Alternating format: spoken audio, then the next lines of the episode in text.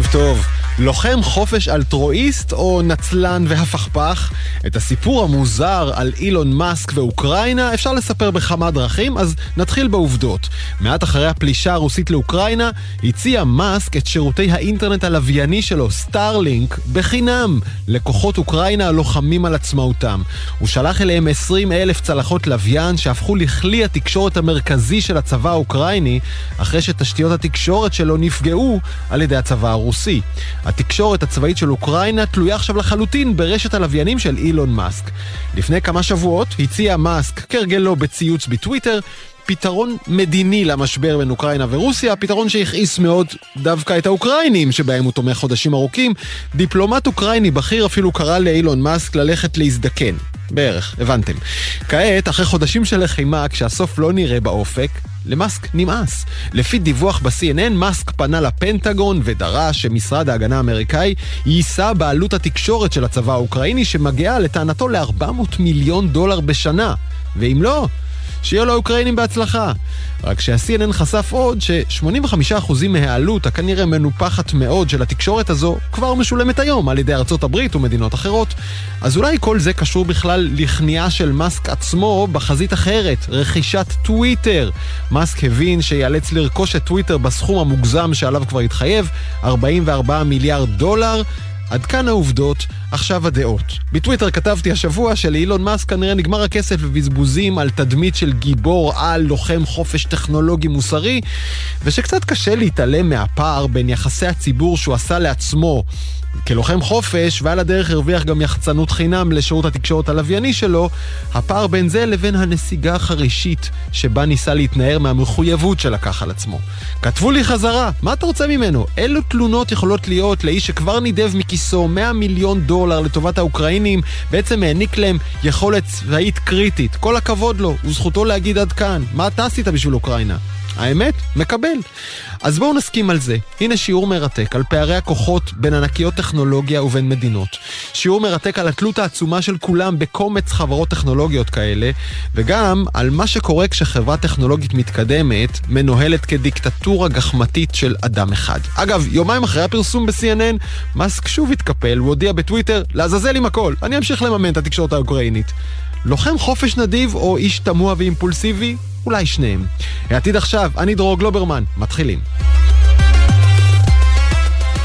המשבר בהייטק ממשיך להעמיק והוא צריך להטריד כל ישראלי. אחרי אין ספור סטארט-אפים וגם חברות גדולות, המיתון מכה עכשיו בעוצמה גם במלכת השבבים אינטל, שהיא גם המעסיק הפרטי הגדול בישראל עם 14,000 עובדים וגם היצואן הגדול בישראל.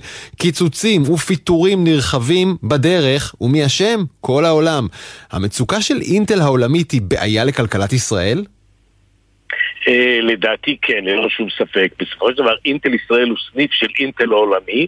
יכול להיות שמאחר והמפעל עוסק בטכנולוגיות מתקדמות, במחלקת הפיתוח עושים שבבים מתקדמים, הפגיעה תהיה יותר קטנה, אבל אי אפשר להתעלם מזה. אינטל ישראל היא חלק מאינטל העולמית, ואם יהיה פגיעה שם באיזשהו מקום, אולי במידה פחותה, עלולה להיות גם פגיעה באינטל ישראל. איתנו מולי עדן, לשעבר סגן נשיא בכיר באינטל העולמית, נשיא אינטל ישראל. היום צריך להגיד, אתה כבר לא בתפקיד באינטל, נכון? כבר לא בתפקיד באינטל, ולכן מה שאני אייצג זה דעתי האישית, ודאי לא דובר כן. של אינטל. אה, לא, למרות שאני יכול להניח שיש לך סימפתיה לחברה.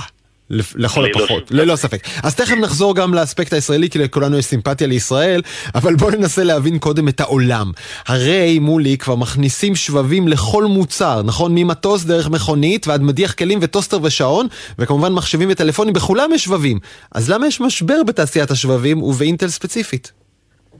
משבר בתעשיית השבבים התחילה אה, במספר שלבים, ולדעתי המשבר היום הוא הרבה יותר גדול ולא רואים את זה כי זה שילוב של משבר כלכלי ומשבר פוליטי.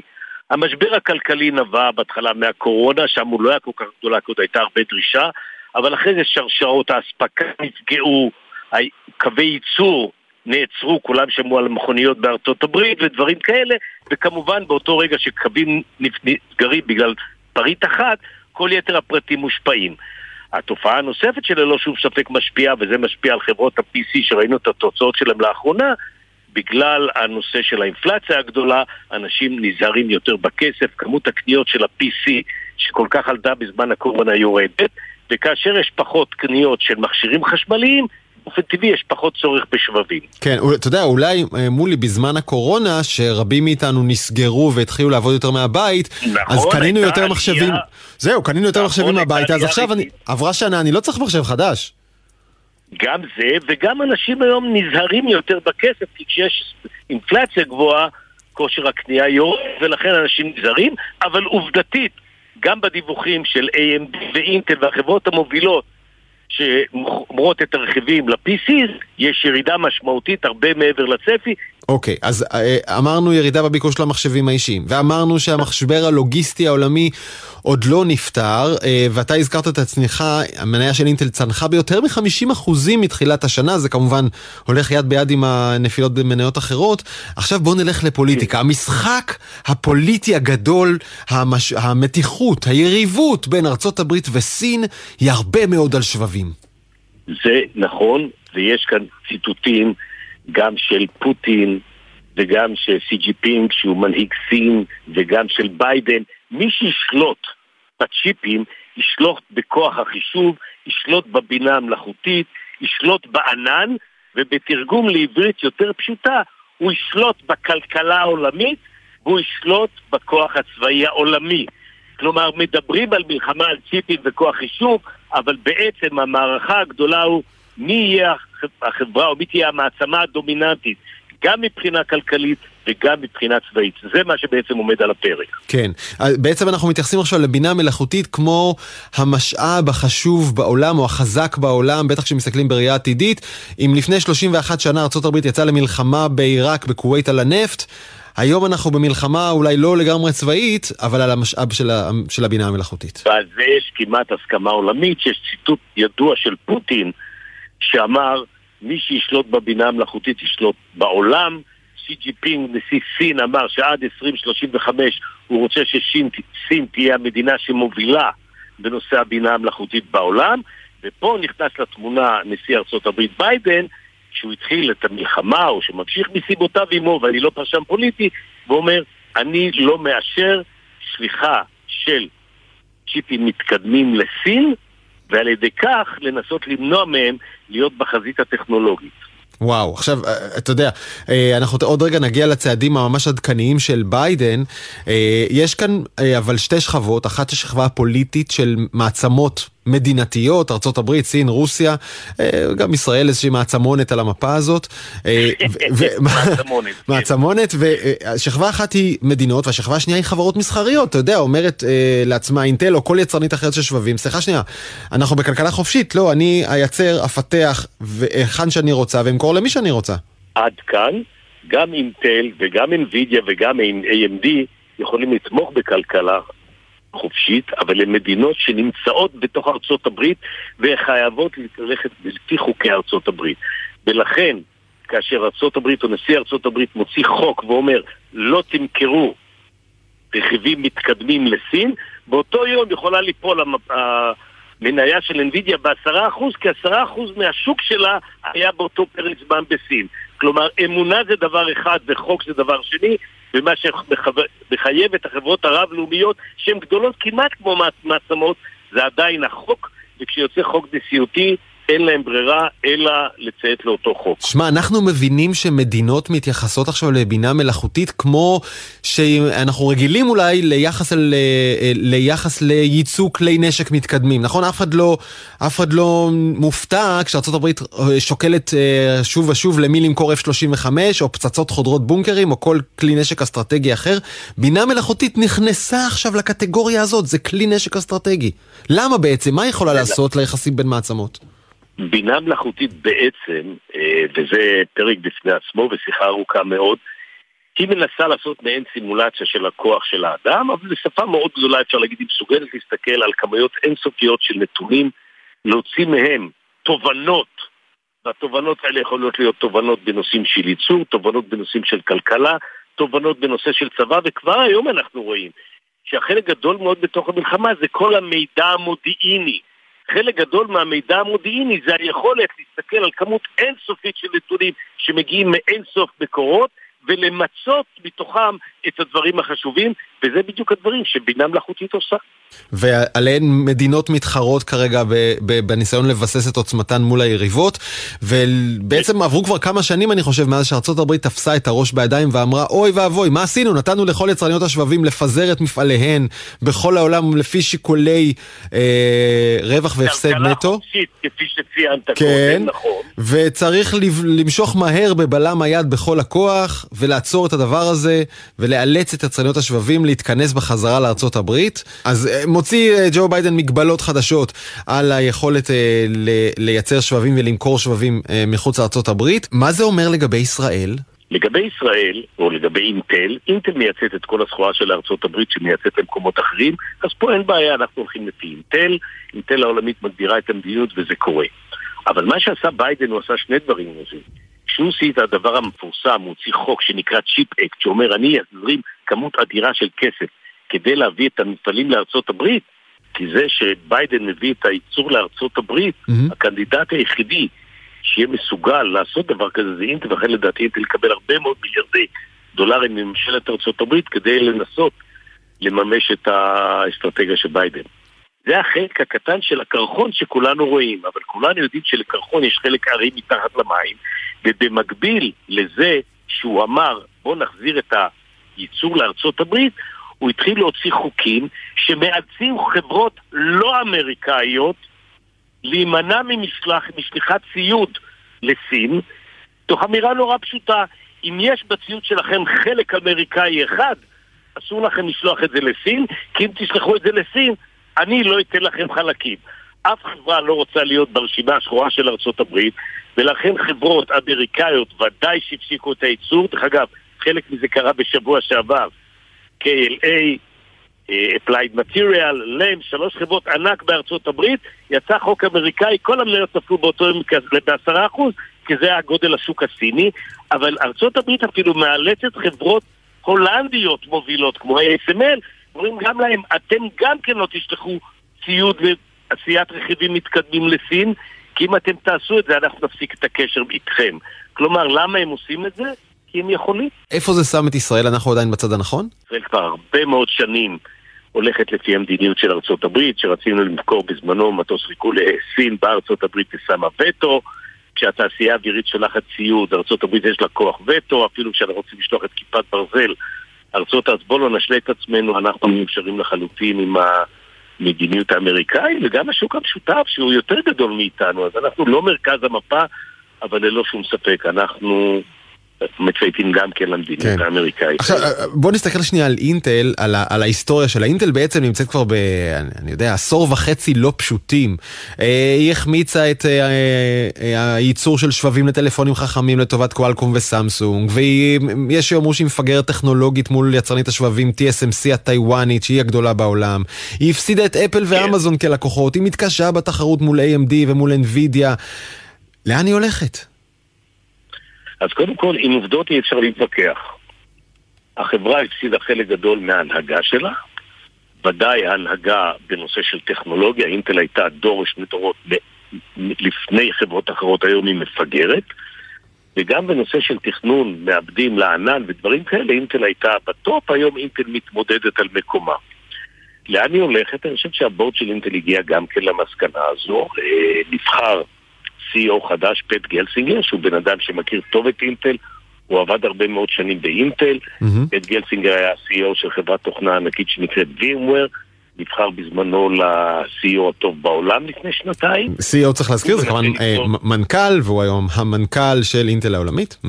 הוא מנסה לעשות הרבה שינויים, והעתיד יגיד אם הוא יצליח או לא יצליח, אבל זה נכון שאינטל עומדת בפני אתגרים לא פשוטים, אבל אם נדבר על הצ'יפק, לדעתי זה רוח גבית אדירה לאינטל.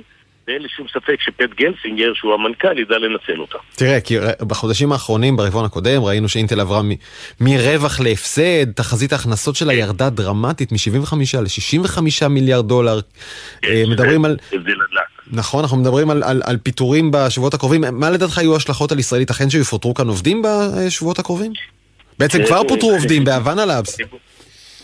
אה, לדעתי יפוטרו, אם, עוד פעם, אני לא מכיר את כל הפרטים, אבל מתוך הכרה של איזה טכנולוגיות עושים בפאב ואיזה מוצרים מתכננים באינטל ישראל, לדעתי אם יהיו צמצומים, הצמצומים יהיו יותר קטנים מהממוצע של אינטל, אבל אני אחכה יחד איתכם בקוצר רוח, מדובר באנשים ואני מקווה שהפגיעה תהיה פגיעה יחסית קטנה. כן. אמ, טוב, נקווה שישראל תהיה בצד הנכון אה, גם של התמורות. מולי עדן, לשעבר סגן נשיא בכיר באינטל העולמית. תודה רבה על השיחה הזאת שהשתרעה על פני כל העולם. תודה רבה. תודה רבה גם לך. אני מודה שנשמתי לרווחה כשהכותרת הזו יצאה, הקץ לסבך החוטים ולבלגן שקעי הטעינה. הרי היום כל לפטופ, טלפון, שעון, גאדג'ט, לכל אחד שקע שונה, אז די, כמה אפשר? האיחוד האירופי החליט שב-2024 הברדק הזה ייגמר וכל המכשירים יתח... יתחברו ל-USB Type-C, זה הזה השטוח עם הקצוות המעוגלים. אז מה, אפשר לרוקן את קופסת הכבלים המתפוצצת שלי ישר לתוך סל המחזור? חכה, חכה עוד קצת. שגיא כהן, כתב הייטק וטכנולוגיה בדה מרקר. בוא נבין רגע, למה האירופים החליטו לאחד תקנים? כן, um, הסיבה העיקרית היא um, איכות הסביבה, uh, פסולת אלקטרונית, להפחית כמה שאפשר. את הכמות של הכבלים והמטענים שמסתובבים ונזרקים אחר כך לפח, ממלאים את הפחים בפסולת אלקטרונית, לתת גם אפשרות בחירה לצרכנים, לחסוך כסף, ככה שלא כולם צריכים לקנות, אתה לא צריך כל פעם לקנות מטען שונה. איזה מעצבן זה. כן, בדיוק.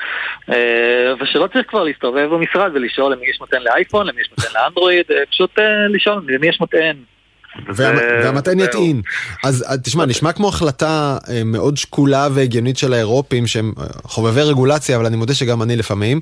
למי זה רלוונטי? על מי זה בעצם משפיע? קודם כל על אפל. כן, כן, אז באמת ההחלטה החל מ-2024 בערך, יש לחייב כל מכשיר אלקטרוני שנמכר באירופה, צריך להגיע עם שקע USB-C כאמור.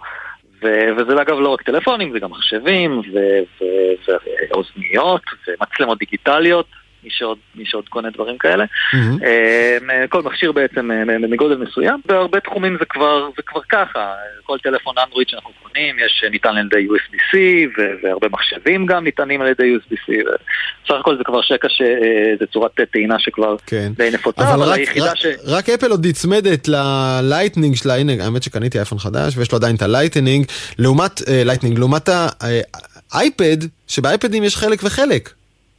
נכון, באייפד הם התחילו לעבור כבר בשנים האחרונות ל-USB-C, אבל רוב המכשירים של אפל, אה, נכון, הם נצמדים לשיטת אה, הטענה שלהם, הוותיקה, קוראים לזה לייטנינג כאמור, וגם האייפונים, גם, אה, גם אגב... והם יצטרכו להתכופף? הם יצטרכו להיכנע לאירופים ולייצר אייפונים עם כן. השקע של אנדרואיד בעצם? כן, כן, כדי למכור באירופה אה, אה, כנראה, החל מ-2024, הם יצטרכו למכור שם רק אייפונים ומכשירים אחרים עם USB-C. אז תכף נבין. בעזרתך האם אה, ישראל פה תהיה אירופה או לא, רגע חכה, נעשה cliffhanger, אבל קודם, כן. תגיד שנייה, למי אכפת מהחוטים האלה בכלל? הרי יש טעינה אלחוטית, לא זה העתיד? אני פשוט שם את המכשיר שלי על משהו והוא ניתן? אז נכון, יש, יש כאלה שאומרים שבעצם מה זה משנה, גם עוד כמה שנים, גם ככה כולם עוברים לנתינה אלחוטית, אבל לא כל כך מהר, אנחנו, מי שיש לו מתן אלחוטי, נכון שהיום אה, כל המכשירים טוענים אה, תומכים בטעינה אלחוטית, אבל מי שיש לו את זה יודע שזה עוד לא עובד משהו, זה עוד לא בשל, והטעינה היא לא מספיק מהירה, המטען עצמו מחובר גם לקיר, נכון? נכון. המטען האלחוטי. יש את המתנה האלחוטית של אפל שהיא, שהיא יותר טובה, אבל גם שם זה עם איזשהו מגנט שצריך להתחבר למקום מסוים מאוד.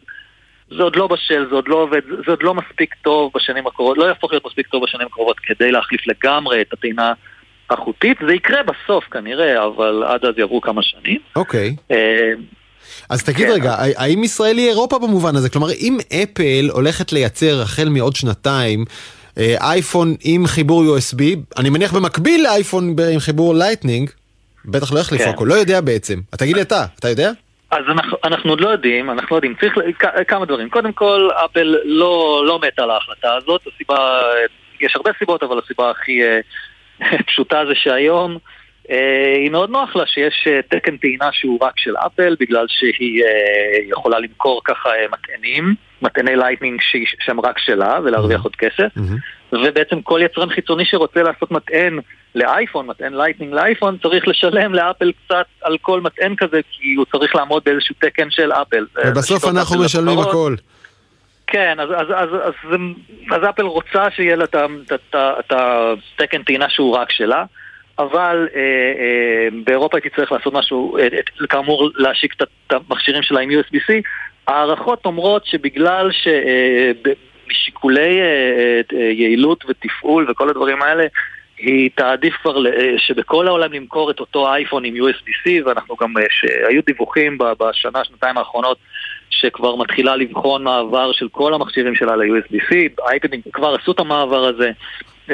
וואלה, כלומר יש מצב, יש מצב שבכל העולם אפל תעבור גם לשקע הזה. כן, אני מעריך שהם לא יעשו עכשיו אייפון לאירופה ואייפון לעולם, אני, אני חושב, ויש הערכה כזאת שבסופו של דבר הם ישיקו, uh, הם יעשו את אותו אייפון עם USB-C לכל העולם, וואלה. גם בישראל. אז זה גם מה שהגיע לישראל. Uh, תגיד, למה שישראל בעצם לא תאמץ את המהלך הזה שנראה על פניו נוח, שימושי, טוב לסביבה וטוב לצרכנים? התשובה בגוף השאלה, בישראל, לא, לא מתעסקים בדברים האלה יותר מדי, לא, לא, לא, לא זכור לי מתי שמעתי על איזשהו מהלך מהסוג הזה. תראה, זה משהו מאוד, שהוא מאוד ממוקד באירופה, וגם הברית לא, עשתה צעד כזה. צריך להגיד שאני לא בטוח שצריך, כי, מה, ישראל תעשה איזשהו חוק שמחייב יצרניות להשתמש בתקן מסוים או לא אחר, מי בכלל יספור אותנו, אנחנו שוק קטן. אז אנחנו בדרך כלל נהנים ממה, ש, ממה שקורה באירופה וארצות הברית, וסביר להניח, כאמור, שאם אפל תחליט לעשות, אה, לעשות את כל האייפונים אה, אה, עם USB-C, אז, אז פשוט אותם אייפונים ימכרו גם בישראל. שגיא כהן. אני בעד למתוח את הריבונות והמשילות הישראלית עד לתוך שקי הטעינה של כל הגאדג'טים בעולם. אנחנו צריכים להתפשט לשם. שגיא כהן, מידי מרקר, תודה רבה על השיחה הזאת. אני תורם כסף לארגונים ולעמותות, דברים שיקרים לליבי, נגיד נשים במצוקה, ועזרה לחולי סרטן ובעלי חיים, זה מעניין אותי, אני תורם להם כסף, אבל תמיד אני תוהה כמה כסף מגיע באמת ליעד, וכמה הולך בדרך לאיבוד במנגנון. אז משתמשי טיק טוק שחיים בעיקר בבריטניה, נתקלים לאחרונה בשידורים חיים של אזרחים מלב מלחמת האזרחים בסוריה. הם מתחננים בשידורים האלה לתרומות, ובטיקטוק יש את אפשרות לתרום מתנות דיגיטליות שבעצם הופכות להיות כסף. תחקיר עיתונאי גילה שזה רק הקצה הנראה לעין במערכת כלכלית משומנת, שבה טיקטוק מרוויחה את רוב הכסף שאמור להיות מועבר לתרומות. הנה הכתבה של שחר קנוטובסקי. Send me gift! Send me gift! Send me gift! בכי, תחינה וסיפורים קורעי לב על השלכות מלחמת האזרחים. כך נראים השידורים החיים בטיק טוק של פליטים בסוריה, שידורים שכבר הפכו לתופעה של ממש.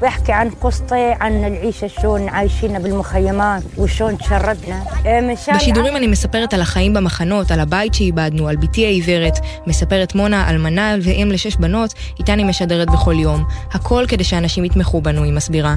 ולא לתמיכה נפשית, היא מתכוונת. אפשרות שליחת המתנות הדיגיטליות בטיק טוק, שנועדה במקור למשתמשים המעוניינים לתמוך ביוצרים האהובים עליהם, הפכה למקור פרנסה של ממש עבור משפחות סוריות נזקקות. עד כדי כך שבמחנות הפליטים נוצר תפקיד חדש, המתווך לתרומות טיק טוק. הוא אחראי לספק טלפונים, לצלם, ובסוף גם לשמור את הכסף עבור עשרות משפחות בכל רגע נתון.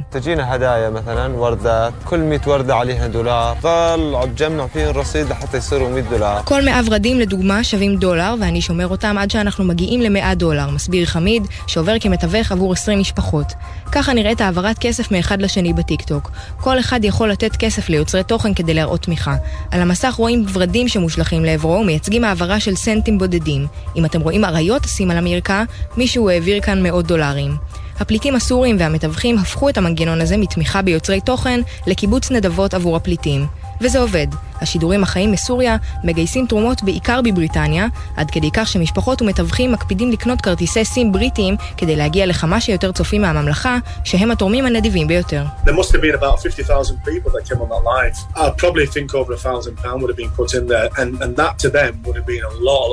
ראיתי לפחות 50 אלף איש עולים ללייב, נזכר קית', יוצר תוכן בטיקטוק שהצטרף ללייבים ואף תרם לא מעט.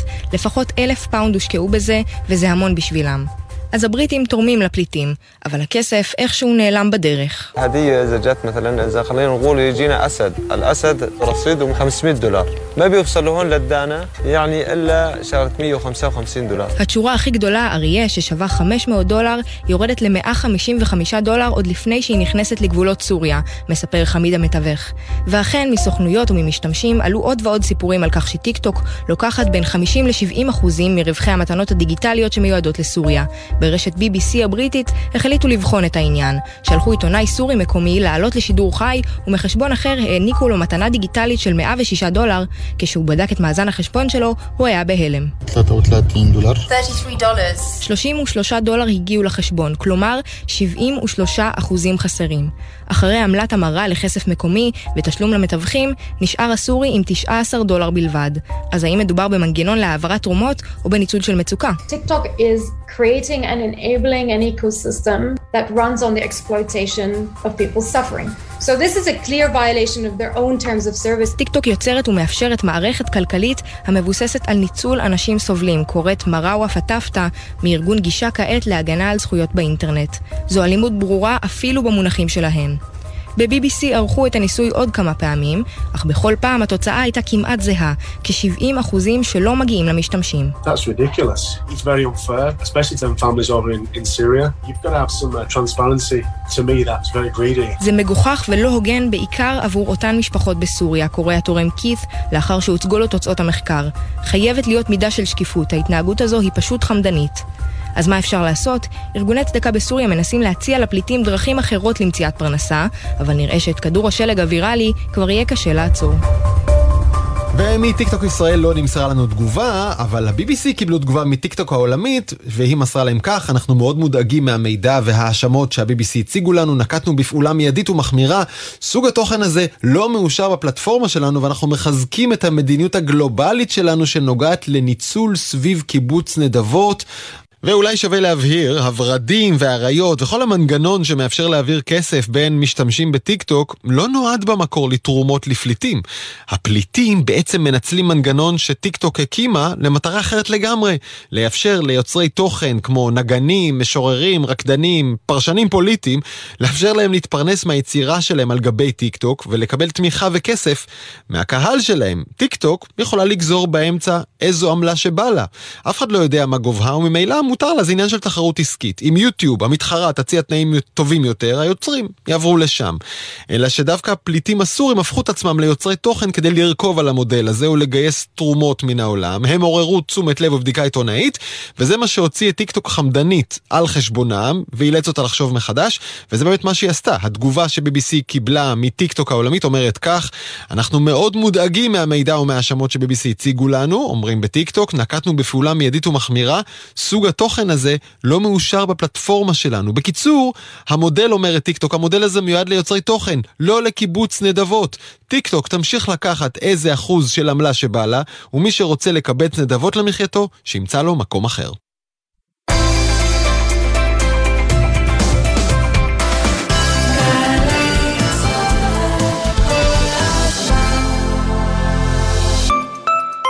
שאלות אישיות. שמעון אלקבץ בשיחה אישית עם הסופר והמשפטן הפרופסור יובל אלבשן על ספריו, חייו ופועלו. דברים שפעם נעשו ולא ידענו, בחשיכה ממינוי שופטים ומאיך דברים נקבעים, היום אנחנו יודעים. כמה שיהיה יותר שקוף, כמה שיהיה יותר ראש שמש, ככה יהיה יותר טוב. הדמוקרטיה הרבה יותר חזקה, במקום יותר טוב ממה שהיה בעבר. שבת, שמונה בבוקר, גלי צה"ל. עכשיו בגלי צה"ל, דרור גלוברמן עם העתיד עכשיו. הבית של החיילים, גלי צה"ל. המטאוורס מתקרב אליכם, או שאתם מתקרבים אליו. מטא, חברת האם של פייסבוק, השיקה בשבוע שעבר משקפי מציאות מעורבת חדשים. רבים כבר מסכימים שמשקפיים בסגנון הזה יחליפו את הסמארטפון וישנו את החיים של כולנו, אבל מתי בדיוק? איתנו שניים, יובל מן, עורך הטכנולוגיה של ynet, ערב טוב. היי, ערב טוב. ואלון מלאכנר, מייסד ומנכ"ל Mixed Place, ערב טוב גם לך. ערב טוב. יובל, בוא נתחיל בהכרזה של uh, מטא. מה בדיוק השיקו ואיך אנחנו יכולים ליהנות מזה? אוקיי, okay, אז מטא השיקה בעצם, כמו שאמרת, קסדת מציאות מעורבת או קסדת מציאות מדומה בשם קווסט uh, פרו. צריך להגיד שקסדת מציאות מדומה זה בעצם קסדה או משקפיים די מגושמים כאלה שאתה מרכיב על, ה, על הראש, וזה בעצם מאפשר לך להיטמע באיזושהי מציאות מדומה אה, בגר... בתוך איזה עולם גרפי אה, שנוצר במיוחד בשבילך, אה, תוך כדי שאתה סוג של מאבד קשר עם העולם שמסביב. אה, ובעצם אה, מה שבאמת עשתה, היא הציגה באמת את אחת מהקסדות הכי מתקדמות שראינו. אה, ובעצם יש בה שני חידושים עיקריים, חוץ מזה שהיא באמת מאפשרת לך להיטמע בעולם הווירטואלי הזה, היא גם אה, מצלמת בצבע את העולם שמסביבך, ובעצם ככה היא מאפשרת לך לקבל מין פיד כזה של המציאות אה, אה, הפיזית שמסביב המשתמש, ולהטמיע בתוכה אלמנטים וירטואליים. זה הרגע שהדמיון שלי איבד את יכולתו לאבד, ולהבין על מה אנחנו מדברים. תעשה לי את זה רגע פשוט. אה, אני, אם אני שם קסדה okay. כזאת על הראש, אז אם אתה זורק אותי לתוך מין משחק מחשב כזה, ואני בעולם שהוא כולו אחר לגמרי, את זה אני כבר מבין. אבל איך משלבים את זה עם המציאות שכן נמצאת סביבי? המציאות האמיתית? אוקיי, okay, אז, אז תחשוב לדוגמה שאתה עכשיו uh, יושב בסלון שלך ואתה רואה באמת uh, את כל, את הספה שלך, את הטלוויזיה שלך, את כל מה שבאמת נמצא מסביבך, אבל פתאום קופצת לך איזו הודעת וואטסאפ ואתה רואה אותה לא בטלפון שלך אלא ממש מולך. Mm. בעצם היא משתלבת במציאות הזאת שאתה רואה מסביבך. Uh, תחשוב אותו דבר נגיד על הוראות ניווט, כרגע המשקפיים האלה באמת מיועדות לשימוש בתוך הבית, ותחשוב שאתה יכול לקבל הוראות ניווט, אתה לא צריך להסתכל על איזשהו מסך אחר, אלא הן פשוט מופיעות לך מול העיניים. כן. משתלבות במציאות האמיתית שמסביבך. כן, זה, הנה דבר שכל נהג יכול להזדהות איתו, הצורך להוריד עיניים למסך כדי לראות אם הפנייה הבאה ימינה או שמאלה, אה, פתאום נראה אנטיקה, אה, ברגע שיהיה אפשר ממש על, על גבי הכביש לסמן לי, פה שמאלה. ראיתי הדמיה של אדם שחובש קסדה כזאת, מביט על הלפטופ שלו, ודרך הקסדה פתאום ללפטופ, ללפטופ יש שלושה מסכי ענק. אה, שהם וירטואליים רק בתוך הקסדה, אבל עדיין אתה יכול לשים פה את מסך המייל שלך, ושם את הגלישה, ופה את הזה. אני חושב שזאת הבעיה. אנחנו כולנו תפוסים עדיין ונעולים בתפיסה שהדיגיטל הוא דו-ממדי. ואנחנו כבני אדם חיים בעולם תלת-ממדי, וסוף סוף התוכן הדיגיטלי יהפוך להיות תלת-ממדי כחלק מהעולם שאנחנו חיים בו, במרחב. אם אתם זוכרים גם ב-Minority Report, בסרט של תום קרוז המפורסם, כל מה שהם חשבו זה מסכי דו-ממד, נכון. וזה בעצם העתיד, אבל זאת הטעות בתפיסה, וזאת, וזאת המהפכה הגדולה שהולכת לקרות, אם אני ככה השתלטתי אוקיי. לרגע. אז אלון, תכף, תכף תיקח אותנו קדימה, אל, אל לאן העתיד הזה צריך להגיע. אני רוצה אבל עוד רגע להבין על המכשיר הספציפי הזה, למי הוא מיועד ומה הוא יכול לעשות בשבילי. אז זאת שאלת מיליון הדולר, או אם תרשה לי, שאלת אה, עשרה מיליארד הדולר במקרה של מטא, כי זה בערך הסכום שהיא משקיעה בשנה בטכנולוגיות שקשורות למטאוורס. כן, רגע, רק צריך להגיד, המכשיר הזה, המכשיר החדש הזה עולה 1,500 דולר, שזה לא כל כך, זה עדיין הרבה כסף. נכון, זה 1,500 דולר, זה עולה יותר מכל סמארטפון מתקדם שתחפש. אה, ובעצם זה מקרה לדעתי שבו הטכנולוגיה בעצם אה, די מקדימה את זמנה. לא ברור מי בדיוק מחכה בחוץ למכשיר הזה.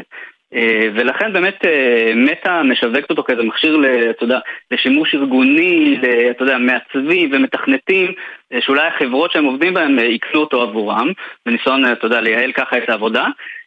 וזה פחות מיועד, אתה יודע, לחובבי טכנולוגיה שרוצים להיכנס עכשיו לעולם ה-VR, זה קצת יקר.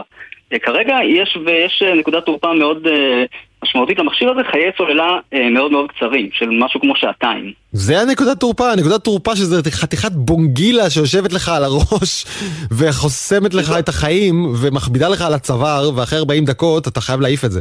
נכון, אז במקרה הזה, בעניין הזה של המשקל דווקא יש שיפור לעומת ה-Quest 2, okay. אוקיי. אה, הקסדה הקודמת. אה, היא שוקלת פחות והיא כנראה גם יותר מאוזנת, הסוללה נמצאת בחלק האחורי של הקסדה, כך שזה פחות מכביד על הראש, אבל אתה צודק, זה לא משהו שאתה יכול אה, לבלות איתו הרבה שעות, זה גורם לחלק מהאנשים לסחרחורות, לבחילות, אה, זה כבד, זה לא נעים, וגם חיי הסוללה אה, לא, לא, לא מאפשרים את זה כרגע. כן.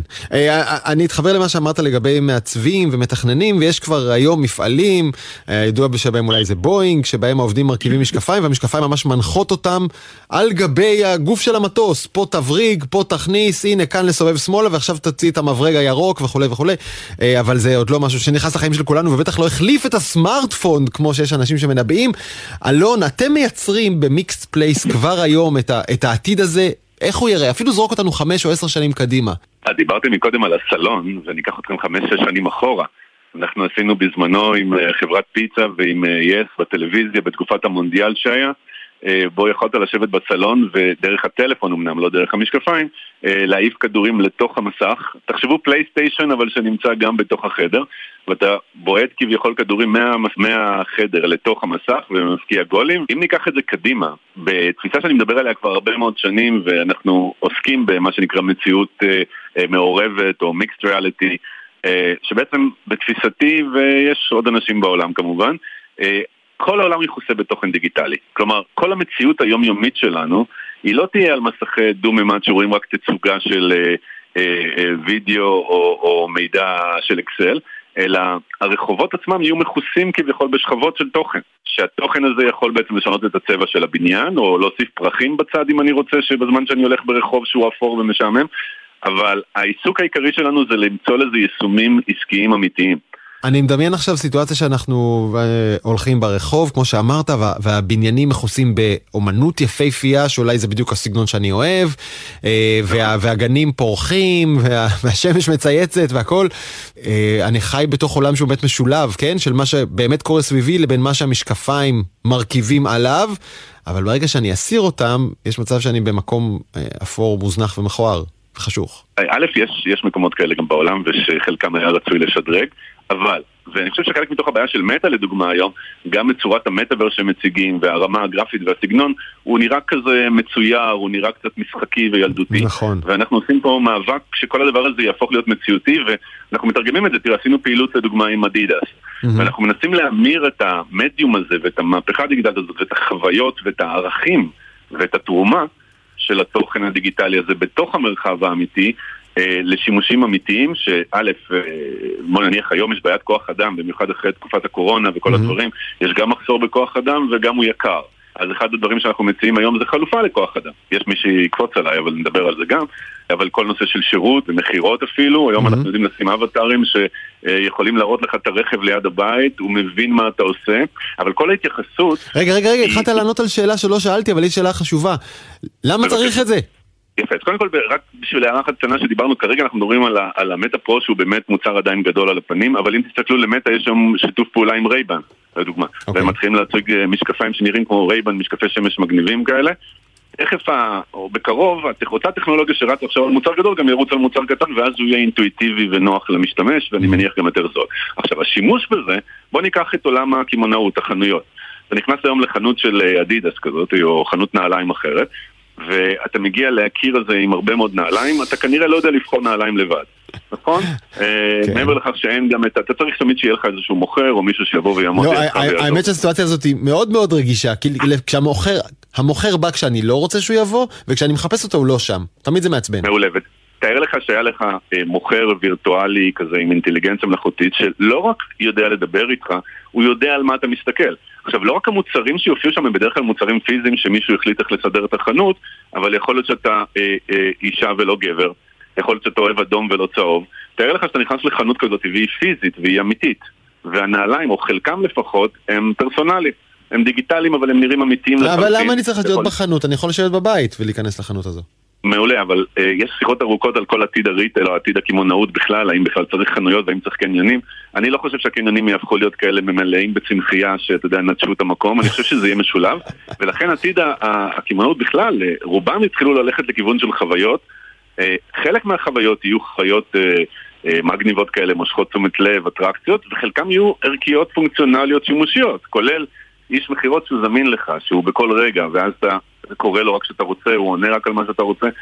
החוויה שאתה תיכנס לחנות, ונקרא לזה, אתה נכנס לחנות בניו יורק וזה Christmas, אז כל החנות יכולה להיות אה, אווירת Christmas עם שלג שיורד בחנות, רק בשביל החוויה, ש... חוויית הקנייה. תוסיפו לזה מיטב, אלמנט נוסף, וזה אגב משהו שאנחנו עושים עכשיו. אני יכול לאפשר לך מ... לשבת בכיסא בישראל ולשגר אותך לתוך חנות בניו יורק, ואתה תפגוש שם חברה שהיא נמצאת פיזית בחנות. כלומר, אתה תופיע כאבטר בחנות, אתה תסתובב בחנות בצורה חופשית, גם המוכר וגם החברה שלך יכולים לראות אותך ולעשות איתך דיאלוג כאילו פנים אל פנים בצורה הכי קרובה למציאות. אתה יודע לעשות את זה לא היום? אנחנו יודעים לעשות את זה היום. אתה יכול לעשות את זה עכשיו? כאילו, אה, כי נחמד לי פה ביפו, אבל ניו יורק נשמע לי מעולה. אנחנו כבר יודעים לעשות את זה היום. אני יודע היום גם למקם מוצרים על המדף. דיגיטליים שיישארו שם והם יהפכו להיות משותפים. דמיין היום בעל חנות או מנהל החנות יכול להגיע בבוקר, אה, למקם או לסדר את החנות לא רק בצורתה הפיזית, ואגב אני לא מאמין רק בצורה הדיגיטלית, אני חושב שזה צריך להיות משולב, הוא יוכל למקם גם מוצרים אמיתיים פיזיים בחנות וגם מוצרים וירטואליים שנראים כמו אמיתיים. ואתה כבן אדם אמיתי שנכנס פיזית לחנות תראה את שני המוצרים, את שני הפורמטים של המוצרים, וגם אני שמשוגר מישראל יוכל להסתובב בחנות ולראות את זה. למי שהתפוצץ לו הדמיון כמו לי, וצריך לראות את זה בעיניים, אז, אז יש הדמיה ואנחנו uh, מעלים אותה עכשיו. לסיכום, אני אשאל אתכם שני שאלות קצרות, ברשותכם תשובות קצרצרות.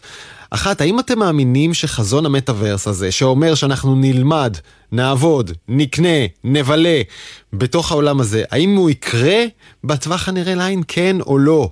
יובל. אני מאמין שכן, אני מאמין שזה בהחלט העתיד, אבל זה ייקח כמה שנים, וזה לא ייראה כמו שמרק צוקרברג מדמיין. אלון? יפה. אני אומר שכן. אני מנסה, ואני רוצה להאמין שזה יקרה אה, אה, הרבה גם בעולם האמיתי. והשאלה השנייה לשניכם, האם המשקפיים האלה יחליפו את הסמארטפון ומתי? יובל. אני מאמין שכן, אבל אני חושב שאנחנו מדברים על משהו כמו עשר שנים מעכשיו. אלון? להחליף ממש, אני גם חושב שזה עשר שנים, אבל זה יתחיל בשנים הקרובות. יובל מן, אלון לכנר, מתי כבר הסמארטפון הזה ייגמר? די, זה אותו דבר כבר 15 שנה, אי אפשר יותר, אנחנו רוצים משהו אחר. תודה רבה לשניכם, ערב טוב. תודה רבה. תודה, להתראות. ערב טוב לניר הירשמן, מנכ"ל פורום חברות הקריפטו, בלוקצ'יין וווב 3. ערב טוב. שמע, ביקשתי ממך להצטרף אלינו לתוכנית, כי אני מודה שאני פשוט מבולבל. עם עולם הקריפטו והביטקוין והיתר, לא מספיק מסובך, הוא מסובך, אבל קורים כל כך הרבה דברים שקשה לדעת לאן זה הולך. מצד אחד, גוגל מודיעה שהיא הולכת לקבל תשלומים גם במטבעות כאלה. זה אומר שהמטבע מתחזק, נכון? מצד שני, הערך שלו הולך ויורד, ומצד שלישי, פורצים וגונבים מאות מיליוני דולרים שנעלמים בעולם הזה של קריפטו. תגיד, מה קורה? שהולכים ומפתחים כאן מערכת פיננסית חדשה. אם עד עכשיו הבנקים שלנו עבדו בצורה מאוד מאוד מסוימת, ריכוזית, היא כמו טבלאות גדולות. עכשיו המערכת הפיננסית הולכת ומשתנה. וכשהיא משתנה, היא מייצרת מערכות פיננסיות שהן יותר מבוזרות. זאת אומרת שיש יותר אנשים שיכולים לשלוט בהם. צריך להגיד, אה, הרבה מאוד גופים, בנקים בינלאומיים וגם ממשלות, לאט לאט... מוסדים, פנסיות, נכנסים לעניין הזה. נכנסים בהחלט. לקריפטו, נכנסים לביטקוין ולאתר ומקבלים את המטבע הזה ומוכנים לאפשר לנו להשתמש בו או לחסוך אותו או להעביר אליו או להעביר ממנו, שזה לכאורה נותן לו מקום מכובד בקהיל, בקהילה הפיננסית העולמית, הופך אותו לראוי וללגיטימי ומקובל. מצד שני, תשמע, 570 מיליון דולר נעלמו. בעצם אה, מטבעות דיגיטליים חיים על רשתות של בלוקצ'יינים שונים. יש רשת של ביטקוין ורשת של איתריום וגם לבייננס, הבורסה הגדולה בעולם, יש רשת נקראת BNB צ'יין. עכשיו לרשת הזאת כדי להיכנס אליה, למה אנשים רוצים להיכנס אליה? נורא פשוט עמלות. האם יש לך עכשיו הם, קצת כסף באיתריום ואתה רוצה להעביר אותו מארנק לארנק, אתה צריך לשלם עמלות גבוהות. ב-BNB Chain העמלות הן יחסית נמוכות. אז כדי בעצם להיכנס לתוך הדבר הזה, אתה צריך לעבור בסוג של change אוטומטי, change טכנולוגי, כמו חלפן כספים. אבל זה לא חלפן כספים מולך, אלא זה חלפן טכנולוגי שכזה, לחלפן הזה קוראים גשר, ברידג'. מה שקרה בעצם בפריצה הזאת זה שמישהו הצליח לעבוד על הגשר הזה. הוא סיפר לגשר שהוא נתן לו um, כסף בעלות של משהו כמו 280 מיליון דולר והוא הצליח לשלוף מהצד השני מטבעות, תחשוב על זה כאילו הוא הכניס לו כסף מצד אחד והוא קיבל ממנו מטבעות מהחלפן הזה. הוא הצליח לעשות את זה פעמיים, הוא בעצם ייצר 2 מיליון מטבעות של BNB. המטבעות האלה עולים 566 מיליון דולר באותה, באותו uh, נקודה. עכשיו, מה שקרה ל-BNB BNB אמרו, טוב, אנחנו, בגלל ש-BNB הוא לא נורא מבוזר, ביטקוין, Ethereum, הם מטבעות דיגיטליים מבוזרים, שאף אחד לא שולט בהם, ואף אחד לא יכול לעצור את הרשת שלהם. Mm-hmm. ב-BNB היא רשת יותר ריכוזית, אז BNB פשוט עצרה את הרשת במכה אחת, והקפיאה את כל ההעברות. עד השלב שהם הקפיאו את ההעברות, ההאקרים האלה הצליחו כבר להוציא, לעבור ב exchange אוטומטי אחר, הצליחו להוציא מטבעות בשווי של 100 מיליון דולר, ואת כל שאר הכסף הזה בעצם קפא בתוך הרשת, BNB מהר מאוד עשו עדכון, שהעדכון עשה שני דברים, קודם כל תיקן את הבאג שאפשר לעבוד על הצ'יינג' המכני הזה, ודבר שני הם גם בתוך עדכון התוכנה הזה הם, שכ- הם אה, בעצם הקפיאו את כל כתובות הארנק שבהם היו את המטבעות. תגיד, ניר, האם העולם הזה לא נהיה מסובך פשוט יותר מדי, באופן שלא מאפשר לקהל גדול להיכנס אליו? אתה יודע, מספיק המערכת הבנקאית הנוכחית שהיא מורכבת, אה, אבל לפחות אנחנו מבינים, יש דולר, יש יורו, אני יודע מי שולט במה, בערך, אני מבין איך זה עובד, אני יכול להשתמש בזה. בכל המטבעות הללו, ויש יותר מעשרת אלפים מטבעות קריפטו בעולם, ולכל אחד יש חוקים אחרים, ורשתות אחרות, ורמות ביזור וטכנולוגיה אחרות. מי יכול, מי יכול להשתמש בזה? אתה יודע, אתה וקומץ מומחים, אבל לא, לא אני ואבא שלי. אתה יודע, בסוף, כשאתה היום אה, מזמין מונית בגט או באובר, או כשאתה היום מסתכל בנטפליקס, לא כל כך מעניין עוד את רוב האנשים איך עובדת המערכת שמפעילה את הדבר הזה. השיחה שלנו הייתה עכשיו כאילו לפתוח את מכסה המנוע של הדבר הזה ולשאול את עצמנו איך הדברים עובדים. את המכסה המנוע של המערכת הבנקאית איש לא פתח במשך מאות שנים. מאות שנים מתנהלת מערכת מסובכת בצורה בלתי רגילה. אתה יודע למשל שיש חברה אחת בשוויץ שמייצרת דיו על השטרות לכל העולם. אז לצורך העניין, מתנהלת איזושהי מערכת נורא מסובכת שאף אחד לא מסתכל עליה. ופעם ראשונה, בגלל ההמצאה הגדולה הזאת של ביטקוין ב-2009, מישהו פותח את מכסה המנוע ואומר לנו, תקשיבו, תסתכלו פנימה איך המנוע הזה עובד. ובואו נשאל את עצמנו אם אפשר לשפר את הדבר הזה. מה יהיה בסוף? בסוף זה יהיה נורא נורא נורא פשוט. זה יהיה קצת כמו להזמין מונית, אנחנו נוכל להפקיד כסף באמצעות אפליקציה בטלפון, נוכל לקחת הלוואה, נוכל לעשות פיקדון, נוכל לעשות ביטוח, נגזרות, כל מיני דברים כאלה, ולמשתמש הקצה זה יהיה יחסית די פשוט. אבל אנחנו נמצאים בשלב כזה של ההתפתחות שזה עוד קצת מסובך. הדברים הולכים ומשתפרים, אבל מה שמרתק ומה שמדהים בתוך הדבר הזה שאנחנו נמצאים בתוך שלב של חדשנות משבשת, שבו פותחים את מכסה המנוע, מנסים להבין מה שבור במערכת הבנקאית, מה שבור במערכת המוניטרית, ומנסים לתקן. האם אתה יודע להסביר לי, אם אכן העולם המטבעות הקריפטו הולך ומתבסס ומקבל אישור וגושפנקה ואימוץ על ידי גופים נרחבים, איך זה מסתדר עם העובדה שהערך של המטבעות הללו הולך ויורד וצולל? הביטקוין שהיה שווה לפני פחות משנה 70 אלף דולר, היום פה פחות מ-20 אלף דולר. אם הוא אכן הולך ונהיה משהו אה, שימושי ומקובל, ערכו היה צריך לעלות, לא לרדת. אני רוצה להזכיר לך שב-2017, כשביטקוין עלה לראשונה לשער של 19,600 דולר, אז היו מי שהשוו את העלייה הזאת לבועת הצבעונים. הנקודה היא זה לא להסתכל, מטבעות דיגיטליים הם מטבעות זאת אומרת, הם אמורים לשמש אותנו כאמצעי להעברת ערך, הם אמורים לשמש אותנו כאמצעי לשמירת ערך, לא כאמצעי להתעשרות מהירה. ובעצם הדבר הזה הוא, וזו נקודה שחייבים להבין אותה, המערכת הזאת תלך ותתבסס לאורך זמן. כל התפקודים של המערכת הבנקאית שלנו של היום, בין אם זה משכנתאות, בין אם זה מניות, בין אם זה פקדונות, בין אם זה חסכונות, כל מיני דברים כאלה, יכולים בפוטנציה לעבור לדבר הזה. זה נכון שאנחנו צריכים לאמץ הרבה מאוד דברים מהעולם הישן, כמו למשל הגנה על משקיעים, כמו למשל הגנה על חסכונות, כמו למשל סדרה ארוכה של רגולציות שצריך לאמץ אותה לתוך העניין הזה. אבל ברגע שאנחנו נצליח לעשות את זה, את הכל זה עם טכנולוגיה חדשה, יהיה לנו כאן משהו אחר לחלוטין ושונה מאוד.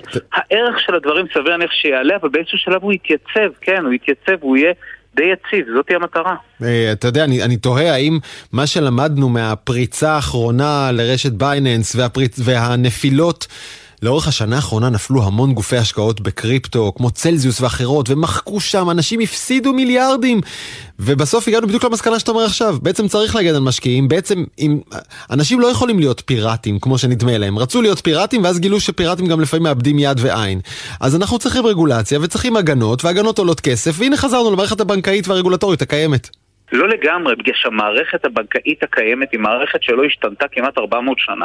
הכניסה של מחשבים לתוך הדבר הזה רק שינתה את, ה, את איך שאנחנו מדברים עם הפקיד, אבל בפועל תנסה להעביר כספים מישראל, מארצות הברית לישראל ואתה תראה שהדבר הזה לוקח לפעמים ימים ארוכים. למה? ועולה, למה גם, ועולה לא גם לא מעט. השאלה אם אנחנו לא מסכימים ש, שבעצם להתנהל ללא פיקוח ובאופן באמת מבוזר, זו, זו בעצם אוטופיה. בסוף אנחנו צריכים כן שיהיה פיקוח ואנחנו כן צריכים שמישהו ידע מה קורה שם והוא עולה כסף ואנחנו באותו מקום. כמו שגם, כמו שגם על הרשתות החברתיות אנחנו זקוקים לפיקוח, וכמו שאנחנו בני אדם זקוק, למערכת חוקים שמחזיקה אותה בכל מקום. בין אם אנחנו מדברים על מטבעות דיגיטליים, בין אם אנחנו מדברים על חופש ביטוי ברשת, בין אם אנחנו מדברים על פרטיות, אבל מאוד יכול להיות שמהדבר הזה יתפתח לנו מודל כלכלי חדש, מודל עסקי חדש, אפשרות לאנשים אה, לפרוץ קדימה, לייצר עסקים חדשים, להביא חדשנות, ואלה דברים שטכנולוגיה חדשה מאפשרת פעם בזמן. נדמה לי שהבאת לנו כן. כאן לשיחה הזאת אה, אופטימיות ופרופורציות. חכו, אנחנו רק באמצע, זה עוד לא מוכן, זה עוד עוגה חצי אפויה. אה, ניר הרשמן, פורום חברות הקריפטו בלוקצ'יין ו Web 3, תודה רבה. תודה רבה. ומצטרף אלינו רמי שני, הישר מן הדרום, מגיש הפודקאסט מה שקורה מחר, אהלן רמי. אהלן דרור, שלומך בימינו? ברוך השם, מתקרר. יופי, נגיד גם שלום לכל המאזינות והמאזינים. תראה, אנחנו בישראל, בעיקר בקיץ, מאוד אוהבים צל, נעים יותר, אבל בהרבה מקרים צל הוא גורם מפריע, בתמונות בעיקר, בסרטים ובשידורים חיים. שם צל זה ממש בעיה. כדי להתגבר עליה, פותח אה, אלגוריתם שפשוט מעלים את הצל. בואו נשמע קודם את אה, תמיר עיני מחברת Applied Materials מסביר מה זה עושה. אחרי שאנחנו יודעים למעשה איפה יש צל, אנחנו יודעים לשחזר את אותו אזור מצולם כאילו לא היה שם צל. כאילו לא היה צל, אבל Applied Materials, כבר הזכרנו אותם הערב בתוכנית, הם עוסקים בציוד לייצור שבבים. רמי, איך הם קשורים בכלל? נכון, הם בעיקר עוסקים בציוד לבקרת שבבים, אה, לייצור ובקרה. אז כדי לייצר את השבב נכון צריך לבדוק שלכל העומק שלו אין שם אה, כשלים וגם הם מתמודדים עם הצל ברמה מיקרוסקופית בתוך השבב, זו רמה ממש זהירה כי אם נניח חלק אחד נופל על חלק אחר אז פשוט לא רואים את הכשל אז הם פיתחו אלגוריתם שחותך את הצל כדי לראות אה, חלקי שבב שמסתתרים אה, מתחתיו. אז הפיתוח הזה הוסב למעשה לצילום רגיל. עכשיו אפשר בעזרתו להוריד את הצל, למשל משידורי כדורגל. כך הוא לא יפריע לראות אם כדור נגע בקו השער או מאחוריו. נדמה לי שגם שופטי כדורגל יאהבו את הפיתוח הזה שמגיע מישראל. אגב, אחד הדברים הממש בעייתיים בצילום זה עדיין אותו צל שממהר מאחרי הכדור. האלגוריתם הזה יכול למחוק גם אותו. על כך ועל דברים נוספים רבים בהסכת מה שקורה מחר, המגזין המדעי של גלי צה"ל. וואו, משבבים, מצל בשבבים לצל במגרשי כדורגל, איזה יישום יצירתי. רמי שני, תודה לך על זה, ועוד כמובן בהסכת שלך. עד כאן, העתיד עכשיו, ערכה לראשונה, אביב פוגל, הפיקו תומר ברקאי וגם פרח בר גולדפרב. על הביצוע הטכני בן שני ואוהד מנדלאוי, אני, דרור גלוברמן, אתם מוזמנים לשמוע אותנו מתי ואיך שבא לכם בכל אפליקציות הפודקאסטים המקובלות, אפל, ספוטיפיי וכל זה, פשוט חפשו. לעתיד עכשיו. אני זמין להערות ולהצעות בדרור גלוברמן בטוויטר. יאללה ביי.